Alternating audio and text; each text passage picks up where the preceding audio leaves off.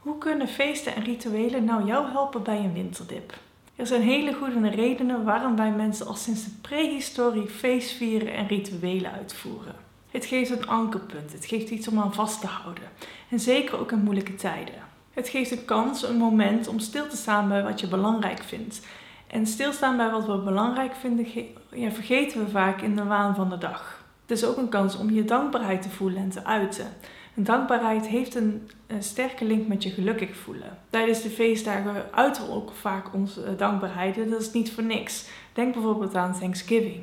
Het is ook een kans om verbinding te maken met anderen. Dus soms kan het ook heel erg organisch ontstaan. Misschien ken je het wel als je voor de tweede keer met een vriend of vriendin op een bepaalde tijdstip ergens naartoe bent gegaan, dat je dan denkt: hmm, dit zou best wel een traditie kunnen worden. En dat wordt dan als vanzelf een moment waarop je weer verbinding met elkaar zoekt en waarop je weer bijpraat. En je kan dat ook heel erg bewust doen. Je kan bepaalde rituelen in gang zetten om verbinding te maken met anderen.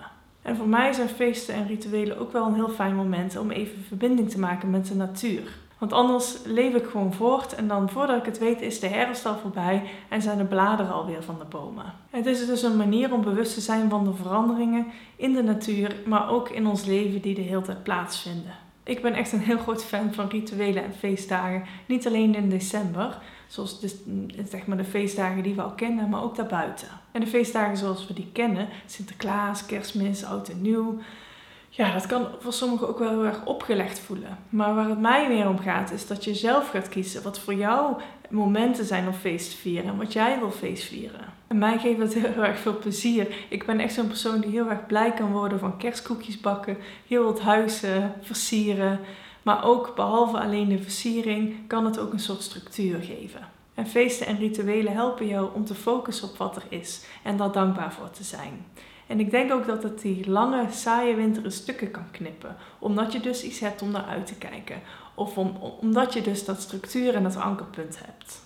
En die feestdagen en die rituelen, of je die nu van tevoren al had of dat je ze zelf nu gaat creëren, kunnen dus die lange winter in stukken knippen. En dat maakt het al snel wat overzichtelijker. Wat zijn jouw redenen om feest te vieren? Ik hoor het graag. Laat een eh, berichtje achter op Instagram en ik zie je in de volgende video.